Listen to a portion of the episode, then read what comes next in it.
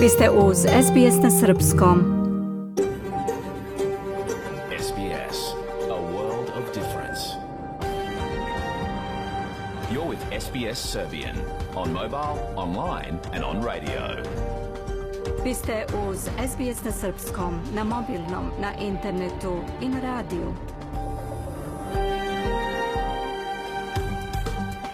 SBS odaje priznanje tradicionalnim vlasnicima zemlje sa koje danas emitujemo program na srpskom jeziku. Ovim izražavamo poštovanje prema narodu Urunđeri Vojvurung, pripadnicima nacije Kulin i njihovim prošlim i sadašnjim starešinama. Također odajemo priznanje tradicionalnim vlasnicima zemlje iz svih aboriđinskih naroda i naroda sa ostrava iz Toresovog Moreuza, na čijoj zemlji slušate naš program. Dobar dan, danas je četvrtak 26. maj koji se u Australiji od 1998. obeležava kao dan izvinjenja pripadnicima prvih nacija.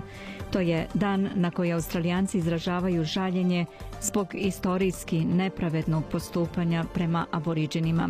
Od sutra počinje i nedelja pomirenja sa autohtonim narodima. O tome kao i o mogućoj obnovi australijsko-kineske diplomatije i sastanku kvadrilateralnog dijaloga u Japanu razgovarat ćemo sa našom saradnicom dr. Ninom Marković odmah posle pregleda vesti. Milica Delibašić poslala izveštaj sa godišnje konferencije za štampu predsjednika Crne Gore Mila Đukanovića kako će se svet suočiti sa pretnjom od globalne gladi i šta naučnici predviđaju čime ćemo se hraniti za dve, tri decenije, više i o tome. Ostanite sa nama. Ja sam Biljana Ristić, sledi pregled vesti.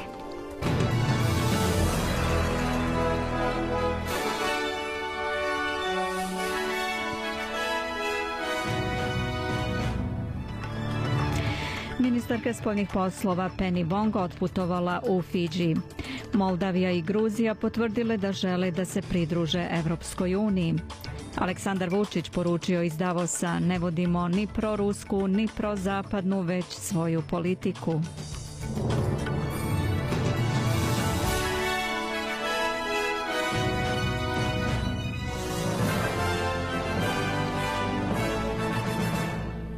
Prebrojavanje glasova na saveznim izborima nastavljeno je danas, pri čemu je izborna trka u tri biračka tela veoma tesna.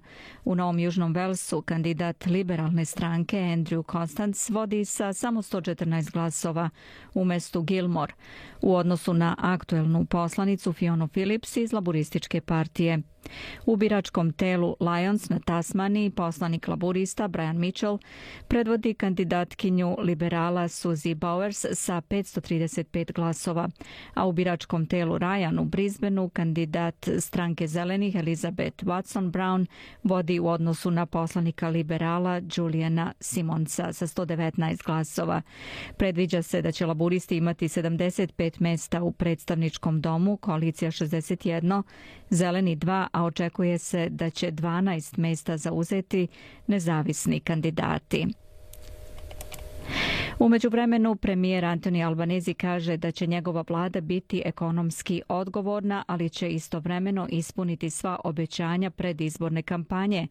Nakon sastanka sa predstavnicima Rezervne banke, federalni blagajnik Jim Chalmers je priznao da će kamatne stope uticati na ekonomski rast. Albanezi kaže da se njegova vlada suočava sa značajnim ekonomskim izazovima, pošto je ekonomska situacija gora nego što je prethodna vlada govorila. U međuvremenu nova ministarka spoljnih poslova Australije Penny Wong naputuje za Fiji gdje će se sastati sa premijerom Frankom Bieni Mamarom sa drugim visokim zvaničnicima. Ova poseta označava i početak nastojanja Australije da povrati svoju poziciju partnera na Pacifiku i poklapa se sa upravo započetom desetodnevnom turneom kineskog ministra spoljnih poslova u okviru koje će posetiti Fiji, Solomonska ostrva, Kiribate, Samou, Tongu, Vanuatu, Papua Novu Gvineju i Timor-Leste. Kina je potvrdila da će pokušati da postigne sporazum u celom regionu koji bi obuhvatao saradnju policije, bezbednostnih službi i razmenu podataka u oblasti komunikacija, što je predsednik Saveznih država Mikronezije David Panuelo unapred odbacio uz tvrdnje da bi takav sporazum mogao da izazove novi hladni rat između Kine i Zapada.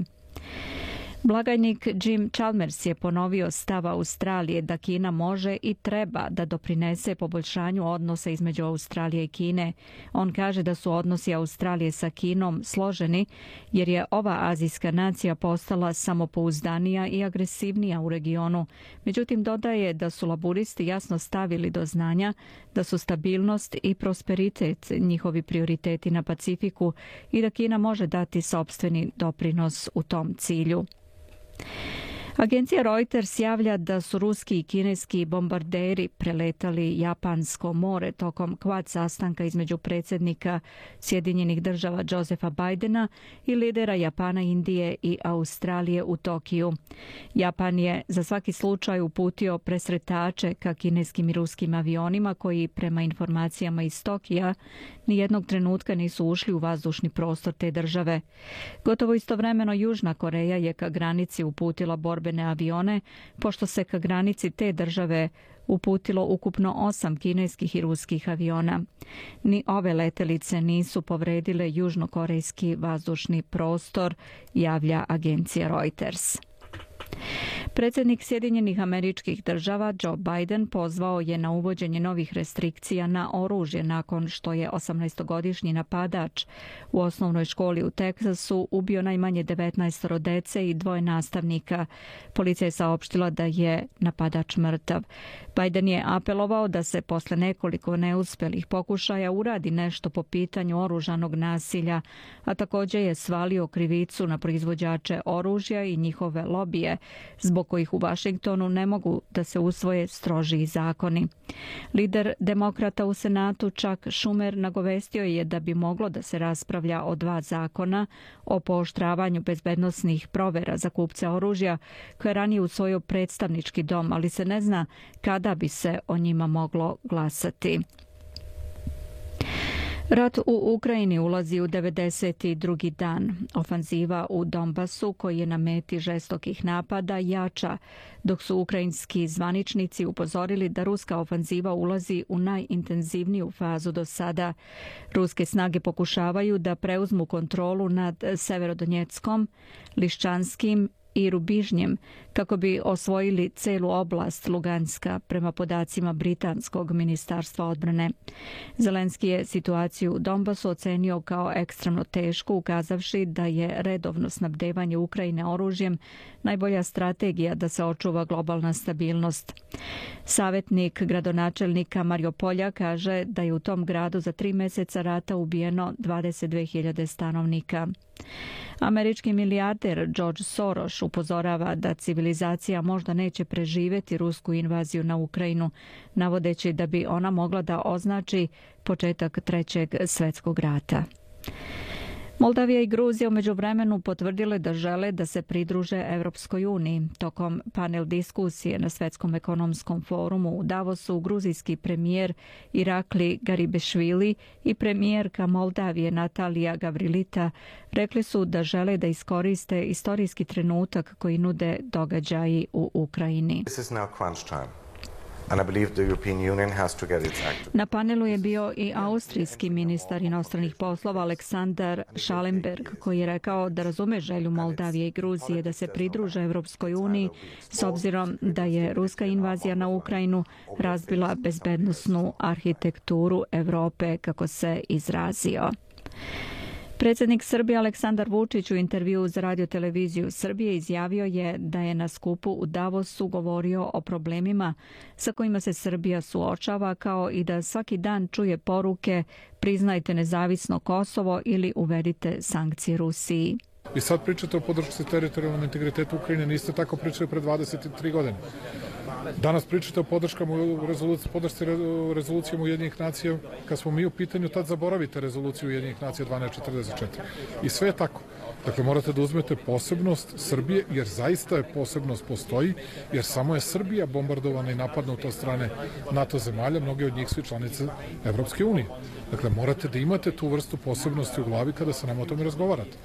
I to je ono o čemu sam govorio svuda i bio sam vrlo fair, govorio otvoreno, ne krijem ništa i mislim da je to nešto što ljudi od mene u krajnjoj liniji očekuju.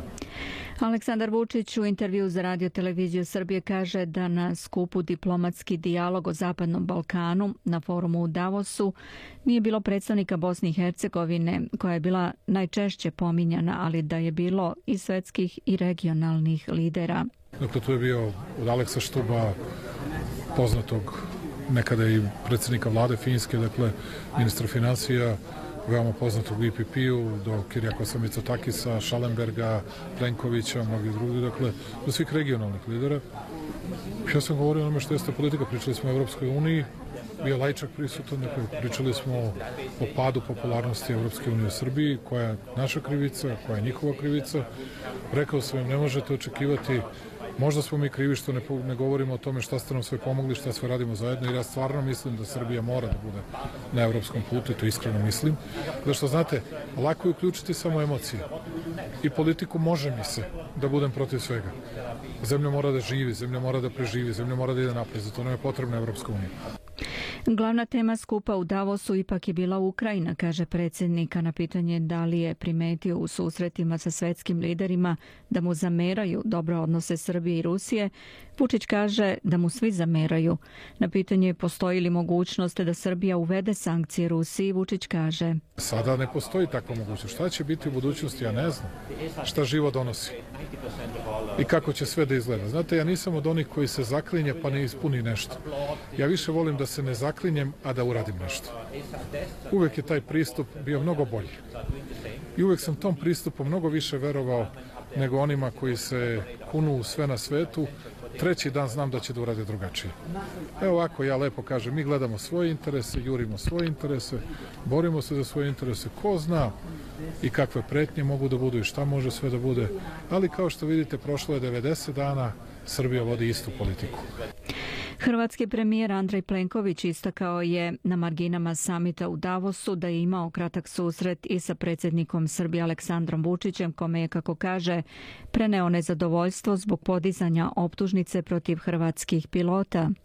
Imali smo jedan kratak sastanak e, predsjednik Vučić i ja gdje sam mu iskazao nezadovoljstvo sa informacijom koju on potvrdio, dakle da postoji optužnica protiv hrvatskih pilota. E, mi smo naravno ukazali, kao što radimo već godinama, da taj zakon kojem Srbija širi svoju jurisdikciju na teritoriji drugih država je nama neprihvatljiv i da je takav potez za Hrvatsku sigurno signal koraka nazad u našim odnosima, a ne koraka naprijed, a sve to u svjetlu svih naših napora koje radimo i za normalizaciju odnosa, za unapređenje gospodarske suradnje, za jačanje položaja hrvatske manjine u Srbiji gdje vidimo neke iskorake i naravno stabilnog položaja srpske manjine u Hrvatskoj.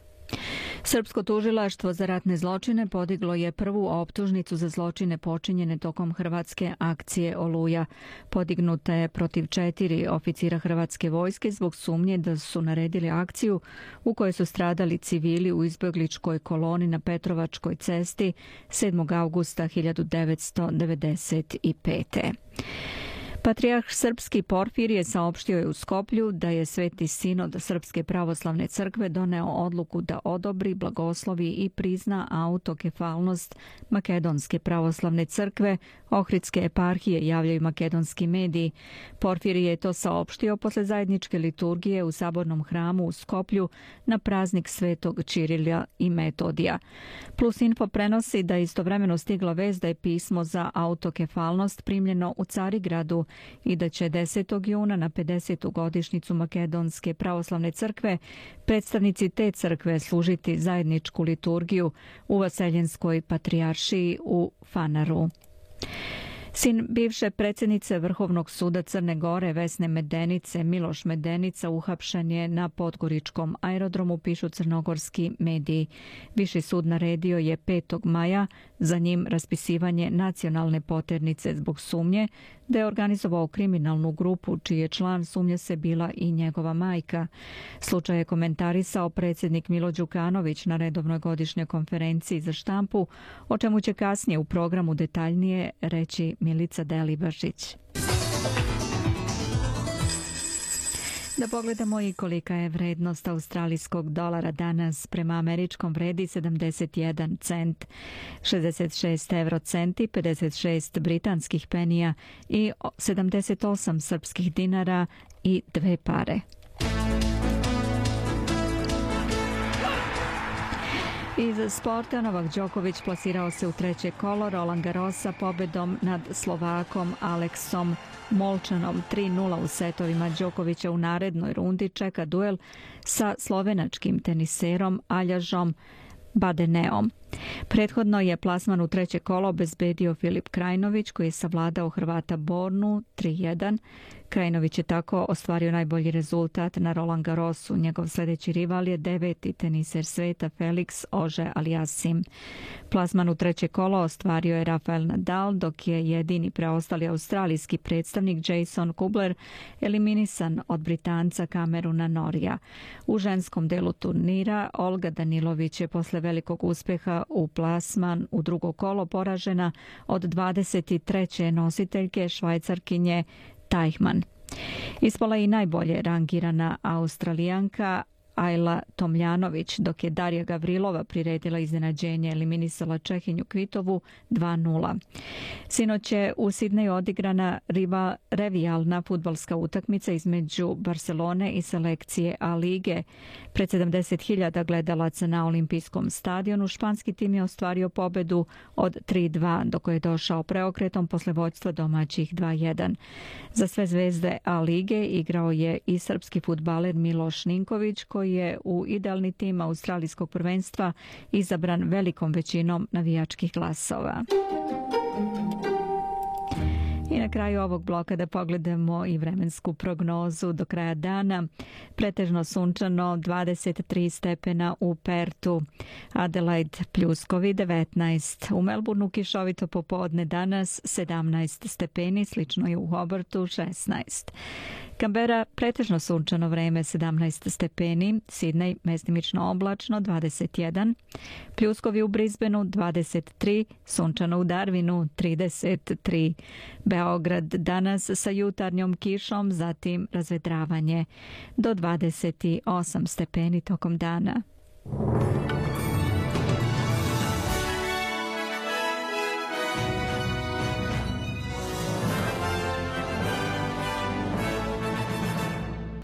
Predstavljamo SBS World Watch, naš novi televizijski kanal posvećen vestima iz celog sveta. Od sada možete da pratite srpske vesti RTS-a iz Beograda na kanalu 35.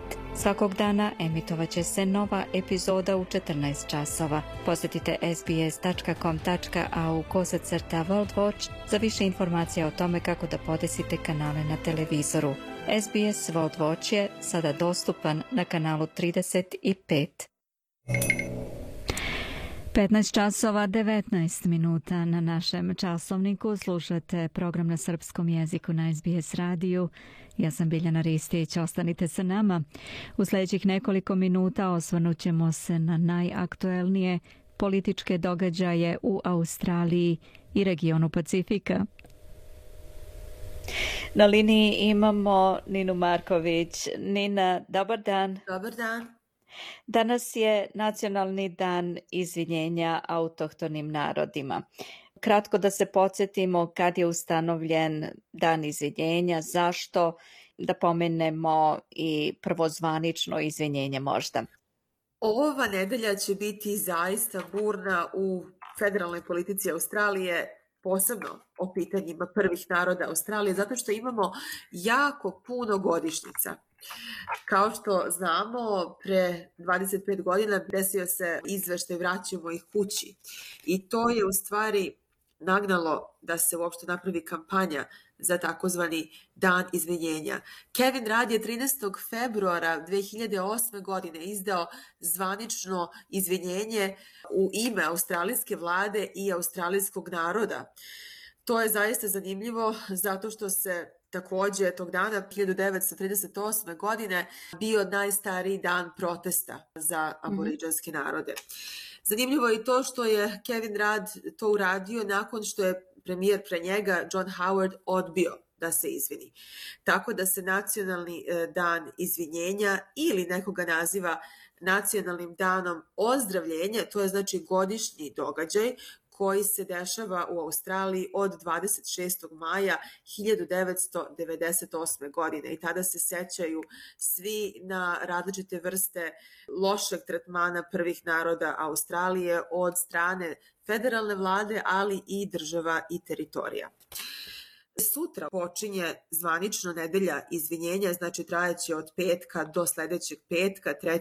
juna i podsjećat ćemo se na uh, referendum iz 1967. godine kada je više od 90% australijanaca glasalo da se uvaži uključenje prvih naroda Australije u cenzus. To je zaista bilo jedan demokratski akt i tako su znači prvi put od narednog cenzusa posle tog referenduma ljudi sa Torres Strait ostrva i aboriđanski narodi uključeni su u cenzus. Takođe, petogodišnjica je Uluru izjave iz srca i znamo da vlada Antonija Albanezea želi da mnogo više danas kaže o tome i on će održati govor u nacionalnom klubu za medije.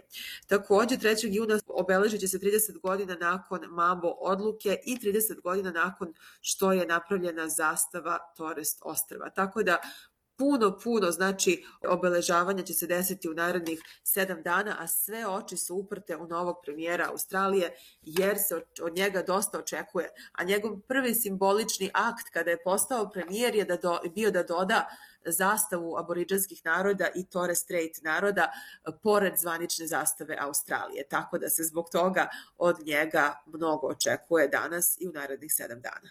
Da. Bivši premijer eh, Scott Morrison dao je svoj prvi intervju posle poraza na izborima. Sumiraj nam šta je rekao u tom intervju. Ništa što se tiče prvih naroda Australije, čak je i njegov bivši ministar za aboriđanske poslove izgubio svoju izbornu jedinicu, tako da je Morrison bio fokusiran na budućnost liberalne partije za koju znamo da iako će najverovatnije Peter Dutton postati novi lider ove partije i dalje se vrši previranje u samoj partiji i ne zna se ko bi bio i ko će biti njegov zamenik. Očekuje se da to možda bude Susan Lay, ali vidjet ćemo šta će se desiti. Scott Morrison je rekao da je spreman da se vrati da bude običan građanin Australije, pod znacima navoda, i da će podržati bilo koga ko postane sledeći lider liberalne partije. Mm Da pređemo na odnose Kine i Australije. Kina je najavila da je spremna da obnovi odnose diplomatske sa Australijom. Možda da kažemo više detalja šta se dešava. Ministar spoljnih poslova Kine Wang Wenbin je na neki način pružio virtualno ruku prijateljstva mm. novoj australijskoj vladi. On je podsjetio novog lidera Australije Antone Albanezea na Gofa Whitlama, znači on je legendarni lider laborističke partije koji 1971. godine počeo jedno novo poglavlje u odnosima sa Narodnom republikom Kinom time što je prestao da priznaje Tajvan kao predstavnika Kine u Jedinim nacijama i prešao je na Peking. Znači od 1972. godine zvanično znači počelo je diplomatsko predstavljanje Kine u Australiji i Australije u Pekingu. Međutim, još uvek odgovor Antone Albanezeja nije direktan. S jedne strane, nova ministarka spoljnih poslova Penny Wong, koja je i sama kinesko-maležanskog porekla, njen otac je kinez iz Malezije i ona je do 2001. godine imala malezijsko državljanstvo, dok se nije odlučila da uđe u politiku Australije. Kada ga je se odrekla od 2002. znači ona je u politici Australije, ona je otišla na Fidži nakon Japana, nakon susreta sa Kvodom, Ona će na Fidžiju pričati o novoj vladi Australiji i novom poglavlju sa pacifičkim državama, počevši od Fidžija. Međutim, u isto vreme, visoka delegacija kineske vlade obilazi Pacifička ostrva. Oni su predstavili petogodišnji plan sa deset zemalja Pacifičkih ostrva. Neće sve lično obići. Ovu delegaciju čine vrlo visoke diplomate i ovo je znači najviša delegacija tog tipa u Pacifičkom regionu. Tako da profesor John Blaxland sa Australijskog nacionalnog univerziteta smatra da ipak Kina predstavlja na neki način suparnika pod znacima navoda Australije u regionu zato što su njihovi ciljevi drugačiji od australijskih. E, takođe zanimljivo je šta će u stvari biti ishod Penny Wong i njene posete regionu. U isto vreme se znači dešava kada je i kineska delegacija tamo. Da li će se susreti, to još ne znamo. Da, bit će interesantno pratiti te događaje sledećih dana. Ti si pomenula sastanak kvadrilateralnog dijaloga u Tokiju. To je bila i prva diplomatska misija novog premijera Australije. Možda ne bi bilo loše da sumiramo i taj sastanak. Ovaj sastanak takozvane znači četvorke ili kvadrilateralnog samita desio se u Japanu između Japana, SAD, Australije i Indije. Naš novi premijer Antoni Albanese je malo kasnio, čak tri sata na početak samita zato što je bio ustoličen kao novi premijer samo nekoliko sati ranije. On je u Japanu dao svoje izlaganje regiona i složio se sa zajedničkim izjavama protiv agresije Rusije na Ukrajinu, a takođe bilo je dosta diskusije i od klimatskim promenama. Nova vlada Antonija Albanezea želi da postane lider u ovom polju i upravo zbog toga ima dosta sličnosti i sa liderom Velike Britanije Borisom Johnsonom i sa predsednikom Amerike Joe Bidenom. Tako da je dobro otpočeo ovaj sastanak i dobro se završio, kako je neko primetio, bez incidenata, što je zaista pozitivno što se tiče australijskog premijera. To očigledno pokazuje da se od bivšeg premijera očekivalo da se desi neki kiks, što bi se reklo. Tako da Australija je znači afirmisala svoje diplomatske odnose sa četvorkom, a vidjet ćemo šta će se desiti u Pacifičkom regionu u narednim danima. To će biti izuzetno i važno pratiti sledećih dana, pošto se dosta političkih previranja dešava u regionu. Nina, hvala mnogo na vremenu koje si odvojila za razgovor danas. Hvala vama, prijetno.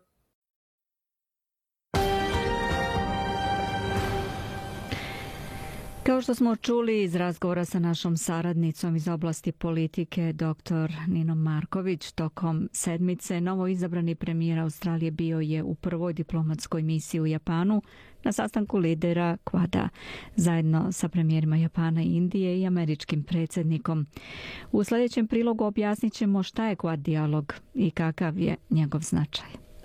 Novi australijski premijer Anthony Albanese je samo dva dana posle pobede na izborima dobio priliku da se susretne sa predsednikom Sjedinjenih američkih država John Bidenom i premijerima Japana i Indije Fumijom Kishidom i Narendrom Modijem. Albaneze je u Tokio otputovao čak i pre formiranja nove savezne vlade, odnosno odmah nakon što su oni četvoro za sada privremenih ministara položili zakletvu pred generalnim guvernerom Australije Sir Davidom Harlijem.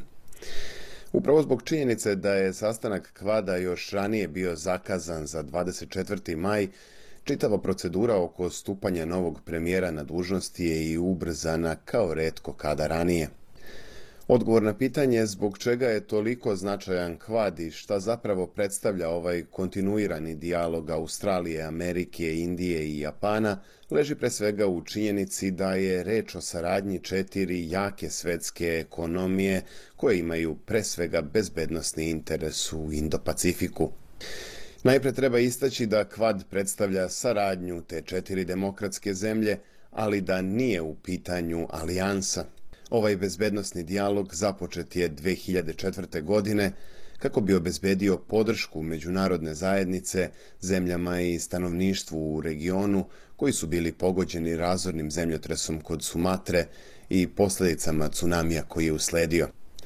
Od prvog zvaničnog sastanka lidera četiri zemlje 2007. godine, kvadrilaterala je pre svega radila na stvaranju bezbednog i otvorenog Indo-Pacifika.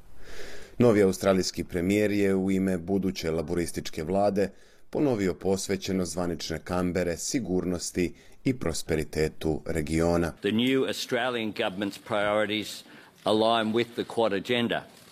Taking action on climate change. Prioriteti nove australijske vlade podudaraju se sa agendom kvada, istakao je Albaneze. On je naglasio da će fokus njegove vlade biti klimatska akcija i izgradnja jačeg i otpornijeg Indo-Pacifika kroz bolju ekonomsku, energetsku, zdravstvenu i sajber bezbednost. Čestitke i dobrodošlicu premijeru Australije uputio je njegov japanski kolega i domaćin samita Fumio Kishida. Želim da uputim moje iskrene čestitke na preuzimanju pozicije premijera i hvala vam mnogo što ste doputovali u Japan odmah posle izbora, poručio je Kishida Albanezeu. Lideri zemalja Kvada izrazili su zabrinutost zbog invazije Rusije na Ukrajinu, a japanski premijer istakao je da treba pronaći najbolji način da se garantuje da se nešto slično neće dogoditi u Pacifiku. Zbog toga je potrebno da pažljivo slušamo glas zemalja članica ASEANA, Južne Azije i Pacifičkih ostrva kako bismo dalje unapredili saradnju koja vodi rešavanju hitnih pitanja u regionu. Sastanak kvada u Tokiju bio je od naročitog značaja za Australiju, upravo iz razloga što je u međuvremenu došlo do smene vlasti, a novi premijer Anthony Albanese je još tokom kampanje naglasio da će doći do značajnih promena u državnoj politici.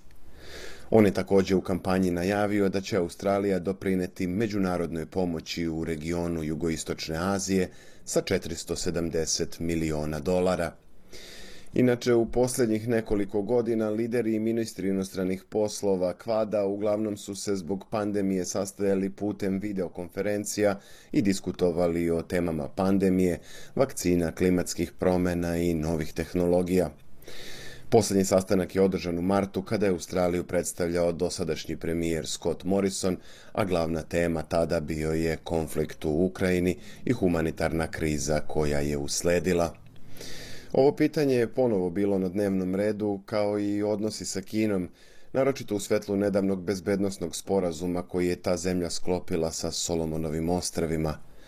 Inače, kineski premijer Li Keqiang je još u ponedeljak uputio čestitku Albanezeu i njegovoj vladi na izbornoj pobedi.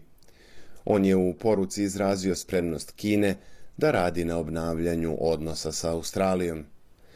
Na pitanje da li će poruka iz Pekinga dovesti do povratne reakcije iz Kambere, Albaneze je ostao nedorečen. I have received uh, now a, uh, a, a letter of congratulations from Premier Lee. Primio sam pismo sa čestitkom od premijera Lija kao i od drugih lidera i to sam pozdravio. Odgovorit ćemo svima na odgovarajući način kada se budem vratio u Australiju, kazao je Albaneze. Premijer je također podržao i reči američkog predsjednika u vezi sa statusom Tajvana i istakao da se ni jedna pozicija Australije vezana za ovo ostrvo i njegove napete odnose s Kinom nije promenila. Samim tim Australija neće prihvatiti ni jedno unilateralno rešenje za status quo na Tajvanu. Albaneza je također potvrdio da će se naredni sastanak lidera zemalja Kvada održati iduće godine u Australiji. Slušate SBS radio. Ja sam Branko Cvetojević. Ostanite uz nas. Slušate program na srpskom jeziku 15 časova 35 minuta 45 sekundi je tačno na našem časovniku. U srži debate o pravima aboriđina i stanovnika ostrava Toresovog Moreuza postoji širok konsenzus oko koncepta suvereniteta. Međutim, među starosedeločkim grupama postoji različita gledišta o tome na koji način bi taj suverenitet trebalo da se prizna. To naročito dolazi do izražaja na dan kao što je današnji 26. maj. Ovo je početna tačka australijske javne debate o priznanju u ugovoru, pravu na glas i istinu, a različita gledišta oblikovala su različite modele priznavanja starosedelaca o kojima Australija raspravlja. Jedan od predloženih načina priznavanja je promena Ustava Australije kako bi se njime priznali starosedeoci. Rad na ustavnim promenama u 2020. je podržan dugom listom stručnih panela, senatskim istragama, ustavnim komisijama i referendumskim savetima, izveštajima i preporukama napravljenim od 1980-ih. Jedan od najpoznatijih modela koji je najprihvaćeniji u ovim diskusijama je Uluru saopštenje iza srca. The Uluru Statement from the Heart koje se opisuje kao kulminacija 13-dnevnih razgovora održanih širom zemlje sa predstavnicima zajednica aboriđina i stanovnika ostrava Toresovog Moreuza. Uluru saopštenje iza srca prevela je Sofija Petrović.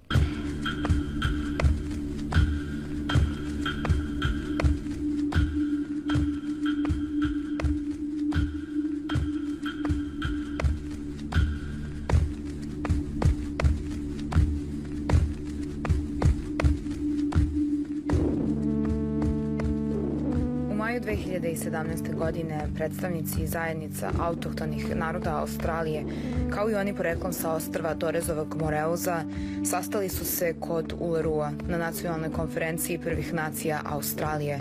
Tom prilikom usvojili su deklaraciju pod nazivom Uluru saopštenje iz srca.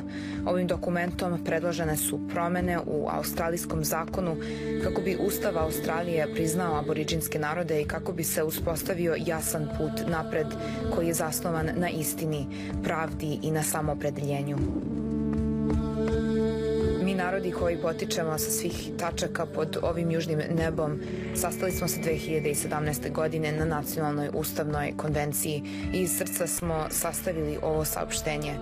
Naša plemena aboriđinskog porekla iz ostrva Torezovog Moreoza bila su prvi suvereni narodi australijskog kontinenta i susednih ostrva. Mi smo bili vlasnici zemlje i zemlja je bila pod našim zakonima i običajima. Ove zakone su naši preci doneli pre 60.000 godina na osnovu shvatanja naše kulture od postanka, a u skladu sa našim običajima od pamtiveka, što je zasnovano na naučnim dokazima.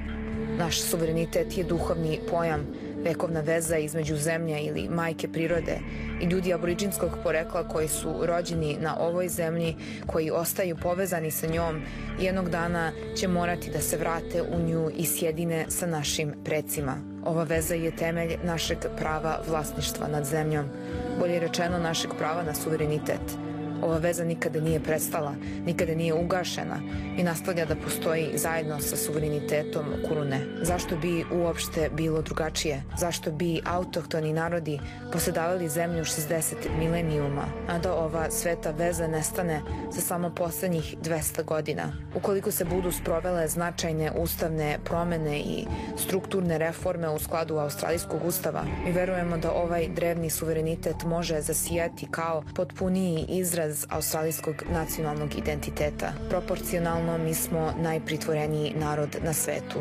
Mi nismo po prirodi kriminalci. Naše deca su odstranjena iz sobstvenih porodica u nezamislivom broju. Sve ovo se ne dešava zato što ne postoji naša ljubav prema njima. Nevrovatan broj naše dece pati u pritvornim centrima. Oni bi trebalo da predstavljaju našu nadu u budućnost. Ove razmere naše krize jasno govore o strukturnoj prirodi naših problema. Naša nemoć je naša najveća muka.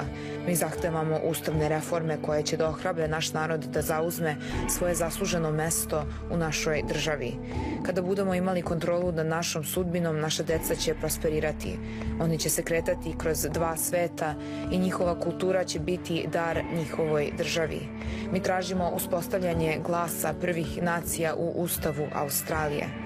Makarata je vrhunac naših ciljeva, ujedinjenje nakon velike borbe. Ono obuhvata našu težnju za fair i iskrenim odnosom sa ostalim stanovnicima Australije i za bolju budućnost naše dece, zasnovanu na pravdi i na samoopredeljenju. Zahtevamo uspostavljanje makarata komisije koja će nadgledati proces dogovora između državnih vlasti i prvih nacija Australije i da se govori istina o našoj istoriji, Prvi put smo ubrojeni u populaciju Australije 1967. godine. 2017. zatražili smo da se i naš glas čuje. Sada napuštamo našu bazu i krećemo na putovanje kroz ovu veliku zemlju. Pozivamo vas da hodate s nama rame uz rame za bolju budućnost svih Australijanaca. Danas obeležavamo Dan izvinjenja autohtonim narodima. Prvi dan izvinjenja je održan 1998. pošto je podnesen prvi izveštaj u parlamentu pod nazivom Bringing Them Home. Izveštaj koji je proizašao iz istrage koju je sprovela Komisija za ljudska prava i jednake mogućnosti dokumentovao je nasilno oduzimanje dece iz mnogobrojnih aboriđinskih porodica i porodica Ostravljana Torres Moreuza. Deca su oduzimana od porodica između 1910. i 1970. Deca koja su oduzeta od porodica sada su poznata pod zajedničkim imenom Ukradena generacija. Slušajte SBS na srpskom, na mobilnom, na internetu i na radiju. Program nastavljamo temom iz regiona Balkana. Predsjednik Crne Gore Milo Đukanović održao redovnu godišnju konferenciju za novinare na Cetinju. Dan nezavisnosti koji smo proslavili istovremeno je i četvrta godišnjica od mog stupanja na predsjedničku dužnost. Ovo je redovna preskonferencija tim povodom. Navršilo se 16 godina od obnove nezavisnosti Crne Gore. Sve što smo bliži punoljetstvu, smislenije je pitati se koliko smo kao država i društvo postali zreliji, rekao je predsjednik Đukanović. Dodaje da je siguran da će Crna Gora do kraja 24. ispuniti sve obaveze iz procesa pregovora sa Evropskom unijom i da nakon toga sve zavisi od Evropske unije. On je na godišnjoj konferenciji za novinare na Cetinju naveo da su se globalni izazovi preslikali na region, nacionalizam, antisemitizam i druge društvene promjene u balkanskim uslovima javile su se tradicionalno sa dodatkom ideja o promjeni granica i osvajanju teritorija. Mirenje društva, poručuje Đukanović, može se desiti samo na evropskim vrednostima, a za to nam treba još vremena. Crnogorski predsjednik smatra da Zapadni Balkan nije u najvećoj opasnosti od previranja ratnih sukoba iz Ukrajine, posebno nakon herojske odbrane ukrajinskog naroda, kako je rekao. Također je kazao da je važno utvrditi odgovornost svih nosilaca funkcija o tome kako su obavljali posao, a odgovarao je i na pitanja u vezi sa hapšenjem bivše predsjednice Vrhovnog suda Crne Gore Vesne Medenice i hapšenjem predsjednika Privrednog suda Blaža Jovana Ivanića. O tom delu konferencije više će nam reći naša saradnica iz Podgorice Milica Delibašić. Ne želi predsjednik države Milo Đukanović da pojedinačno komentariše nijedan slučaj koji se vodi pred pravosudnim organima Crne Gore, među kojima i hapšenje Medenica i Jovanića.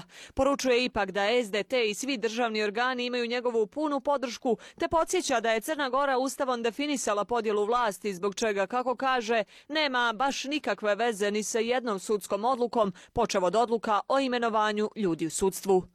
Sad treba e, mene učiniti odgovornim za to što možda neko drugi u svojoj porodici nije najskladniji u redi odnose, pa bi to trebalo se i ja zbog toga osjećati odgovor. Znate, dobro je da sam tokom mojih prethodnih 30 godina imao vremena da se malo posvetim svojoj porodici i svome sinu. A za ovo ostalo zaista uprkos najboljoj želji ne mogu biti, ne mogu biti odgovoran. Tako da ja mislim da samo stvari zaista treba treba objektivizirati treba pomoći da, da, da, da se fokusiramo na ono što su e, relevantni aspekti za utvrđivanje istine za kojom svi tragamo, a to je da li je neko u prethodnom periodu zloupotrijebio svoju državnu funkciju, da li je neko prekršio zakon, ako jeste, treba da odgovara, U slučaju prepiski sa Sky aplikacije u kojim se pominju policijski službenici Petar Lazović i Ljubo Milović, Đukanović kaže da će takve informacije ne samo kod nas, nego u svim državama pomoći u tome da se utvrdi odgovornost, a poziva nadležne organe da do kraja dovedu istragu. Što se tiče odnosa sa Zoranom Lazovićem, tu nema nikakvih tajni. On je čovjek koji je jako dugo u našem bezbjednostnom sistemu. On je čovjek sa kojim sam imao komunikaciju i sa kojim imam komunikaciju i tu nema nikakvog razloga za prikrivanje. Također ono što, što su moja dosadašnja saznanja, ne vidim da se ime Zorana Lazovića igdje pominje u, u svemu ovome o čemu smo do sada razgovarali. Govoreći o predmetu Pandora papiri, predsjednik kaže da je ranije postojala komunikacija sa tužilaštvom oko prikupljanja informacija na tu temu, te da je očekivao da će se već pojaviti njihov stav u tom slučaju. Predsjedniče, s obzirom na sva ova hapšenja, strijepite li da biste se mogli naći na udaru državnog tužilaštva? Ne. Zato što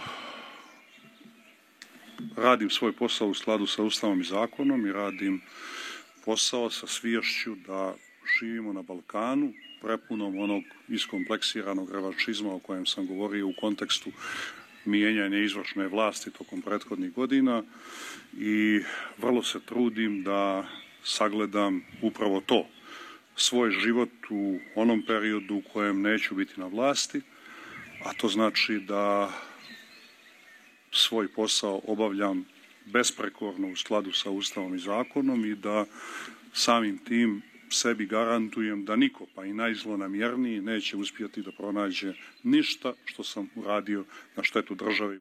Novinar francuskog Le Monde pitao je da li je tačno ono što je čuo domaćih političara da Đukanović planira naredne godine da se povuče iz politike, navodno zbog napretka Crne Gore ka Evropskoj uniji. Vjerovatno, računajući da sam umoran i da mi je potrebno da se malo posvetim svojem lagodnijem životu i zdravlju. Zahvaljujem, osjećam se vrlo dobro. Ja njima neću davati savjete šta oni treba da urade u svojoj političkoj karijeri. Jednako tako ne smatram neophodnim da mi bilo ko sugeriše šta ja treba da uradim. U ovih 30 godina sam sve svoje poteze, uključujući i mnogo teže od toga, povlačio na bazi vlastitih procjena, na, bazi, na bazi vlastitog iskustva, tako će biti i u budućem. Dodaje i da ne vidi vezu između njegove političke karijere i procesa pregovora sa EU, te da nikada nije iz Evropske unije čuo da te dvije okolnosti dovode u vezu. Siguran je i da do kraja 2024. godine možemo ispuniti sve naše obaveze na tom putu, ali ne može da garantuje kako će na tu okolnost reagovati druga strana. Bilo je riječ i o događajima na Cetinju 4. i 5. septembra prošle godine, pa prvi čovjek države apeluje da je potrebno utvrditi odgovornost svih aktera, naročito kako kako je mijenjan lanac komandovanja u policiji te noći, jer ako je direktiva došla izvani, to kategoričan i Đukanović predstavlja izdaju i za to se mora odgovarati. Bila je to naša saradnica iz Podgorice, Milica Delibašić. Ažuriranje vakcinacije protiv COVID-19 pospešuje više od imuniteta, doprinosi tome da firme ostanu otvorene, da društveni život bude aktivniji, a porodice na okupu.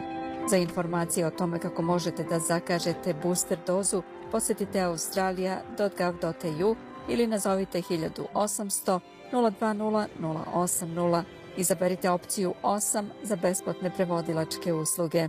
Odobrila australijska vlada Canberra. 15 časova 52 minuta slušate program na srpskom jeziku na SBS radiju. Ja sam Biljana Ristić, ostanite sa nama do kraja programa. A pri kraju programa govorimo o uznemiravajućim najavama o nestašici hrane na globalnom nivou. Ujedinjene nacije su nagovestile da bi se na stotine miliona ljudi moglo suočiti sa glađu ako Rusija ne prekine blokadu ukrajinskih luka. Sa Svetskog ekonomskog foruma poruka je da se sprema najgora globalna nestašica hrane od drugog svetskog rata. Kako će se svet suočiti s ovom pretnjom, ali i šta naučnici predviđaju kada je reč o tome čime ćemo se hraniti za dve, tri decenije, opširnije u sljedećem prilogu. U švajcarskom Davosu danas se završava četvorodnevni skup Svetskog ekonomskog foruma. Očekivano jedna od glavnih tema bio je rat u Ukrajini, kako u svetlu opšte bezbednostne situacije, tako i zbog ekonomske i humanitarne krize do koje je konflikt doveo. Posebno mesto u debatama zauzelo je pitanje mogućeg izbijanja gladi širokih razmera. U svom obraćanju Svetskom ekonomskom forumu Izvršni direktor programa Ujedinjenih nacija za hranu David Beasley Posebno je upozorio na opasnost koja preti zbog ruske blokade ukrajinskih luka na Crnom moru. Zatvaranje luka je objava rata globalnoj bezbednosti hrane i dovodi u apsolutno krizni režim. Šta mislite da će se dogoditi kada državu koja uzgaja dovoljno hrane da prehrani 400 miliona ljudi stavite na stranu, zapitao se Bizli. Sa ekonomskog foruma su po tom pitanju izrazili očekivanje da će, ukoliko Rusija nastavi da blokira ukrajinske luke, propasti otprilike 10% globalnog izvoza pšenice koju ta zemlja obično proizvodi. Kao rezultat toga milijardu i 900 miliona ljudi širom sveta moglo bi da se koliko do novembra suoči sa ozbiljnom pretnjom gladi. David Beasley iz Ujedinjenih nacija kaže da se kriza sa hranom već nazirala, ali da je ruska invazija samo pogoršala stvari. I pre dešavanja u Ukrajini sam govorio o tome i bio jasan da imamo svetsku krizu sa hranom na pomolu. Sada mogu da kažem da se suočavamo sa najgorom humanitarnom krizom od drugog svetskog rata, rekao je Beasley i kao primere velikih kriza hrane u proteklom periodu naveo Etiopiju i Afganistan, a sada je istakao da je ugrožena najveća svetska žitnica i da nas zbog te krize čeka period kada ćemo, kako je rekao, uzimati hranu od gladnih da bismo je dali gladnima. Navodi se da najveća opasnost od gladi preti zemljama koje se najviše oslanjaju na uvoz ruskih i ukrajinskih žitarica. To su pre svega zemlje u Africi i na Bliskom istoku. Kako piše Klaudija Farhart iz informativne redakcije SBS-a, naročito se izdvajaju afričke države poput Benina i Somalije, koje stoprocentno zavise od ruskog i ukrajinskog žita. Odmah iza njih je Egipat sa 83 od 100 uvoza iz ovih zemalja. Direktorka Međunarodnog monetarnog fonda Kristalina Georgijeva kaže da je izvesno da će globalna situacija nastaviti da se pogoršava. 2022 it is going to be a tough year. We have 2022. će biti teška godina. Imamo šok cena robe u mnogim zemljama. Tokom prošle nedelje cena nafte je pala, ali cene hrane nastavljaju da rastu i to neprestano. Upotrebu benzina možemo da smanjimo kada se privredni rast uspori, ali moramo da jedemo svaki dan, rekla je Georgijeva. U svetlu ovakve situacije naučnici predviđaju drugačiju budućnost po pitanju ishrane. Kako je objavio BBC, studija koju su sproveli istraživači sa Britanskog univerziteta Kew ukazuje na to da bismo u budućnosti na jelovniku mogli da imamo daleko više biljnih proizvoda za koje se danas malo zna. Ovi stručnjaci iz Kraljevske botaničke bašte u Londonu objavili su da trenutno 90% kalorija u ljudskoj ishrani dolazi iz samo 15 različitih useva. Naučnici kažu da mogućnost sukoba kao što je trenutni u Ukrajini, ali i nevolje koje donose klimatske promene, povećavaju rizik od ozbiljnih prehrambenih šokova usled kojih usevi propadaju, a cene osnovnih namirnica brzo rastu širom sveta. Upravo zbog toga je hitno potrebna diverzifikacija izvora hrane kao i onoga na čemu se zasniva ishrana, upozoravaju stručnjaci. Na listi namirnica koje će ljudi trošiti u svojoj ishrani 2050. godine, eksperti sa Q-a su naveli pre svega razne vrste mahunarki, zatim plod i lišće pandanusa, biljke nalik ananasu, pa zatim divlje žitarice, ali i enset ili lažnu bananu. Kako istakao dr. Sam Pirinon, na svetu ima više od 7000 jestivih biljki, ali čovjek rasprostranjeno uzgaja svega 417. On je naglasio da se mnogim usevima nepoznatim široj populaciji već dugo hrane različite lokalne zajednice širom sveta i da bi rasprostranjeniji uzgoj tih useva mogao da pomogne u sprečavanju gladi u budućnosti. Kada se govori o mahunarkama kao što su pasulji boranija, pored toga što su jeftine i lake za uzgajanje, ove biljke su bogate proteinima i vitaminom B, a u svetu ih postoji preko 20.000 vrsta. U ljudskoj ishrani trenutno se koristi tek desetak različitih. I divlje žitarice koje potiču iz strava takođe nude potencijal za novu hranu i ima ih na hiljade različitih vrsta. Jedna od njih je afrička žitarica fonio, koja je otporna i na najsurovije klimatske uslove, a izuzetno je hranljiva, kažu naučnici. Svakako najinteresantnija, bar po nazivu, je takozvana lažna banana ili enset. Reč je o dalekom rođaku nama poznate banane, ali se trenutno konzumira samo u jednom delu Etiopije. Zanimljivo, plod ove biljke koja je nalik banani nije jestiv, ali skrobne stabljike i korenje mogu se fermentisati i koristiti za pravljenje različitih kaša i hleba. Prema studijama naučnika, ovaj usev ima potencijal da nahrani više od 100 miliona ljudi u svetu, prenosi BBC. Vi slušate SBS radio, program na srpskom. Ja sam Branko Cvetojević. Ostanite uz nas. Hvala Branko, a mi time završavamo današnji program. Sljedeća emisija na Srpskom je u subotu u 15 časova, pridružite nam se. Da podsjetimo da program možete slušati na internetu sbs.com.au kosacrta Srbijan ili na telefonu ako preuzmete SBS radio aplikaciju. Na Facebooku naš profil je SBS Srbijan.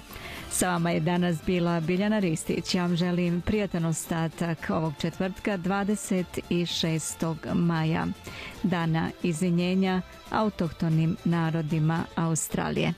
Doviđenja i do slušanja.